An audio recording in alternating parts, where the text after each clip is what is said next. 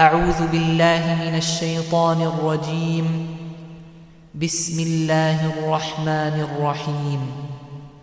إذا زلزلت الأرض زلزالها وأخرجت الأرض أثقالها وقال الإنسان ما لها يومئذ تحدث أخبارها بأن ربك أوحى لها يومئذ يصدر الناس أشتاتا ليروا أعمالهم فمن يعمل مثقال ذرة خيرا يره ومن يعمل مثقال ذرة شرا يره.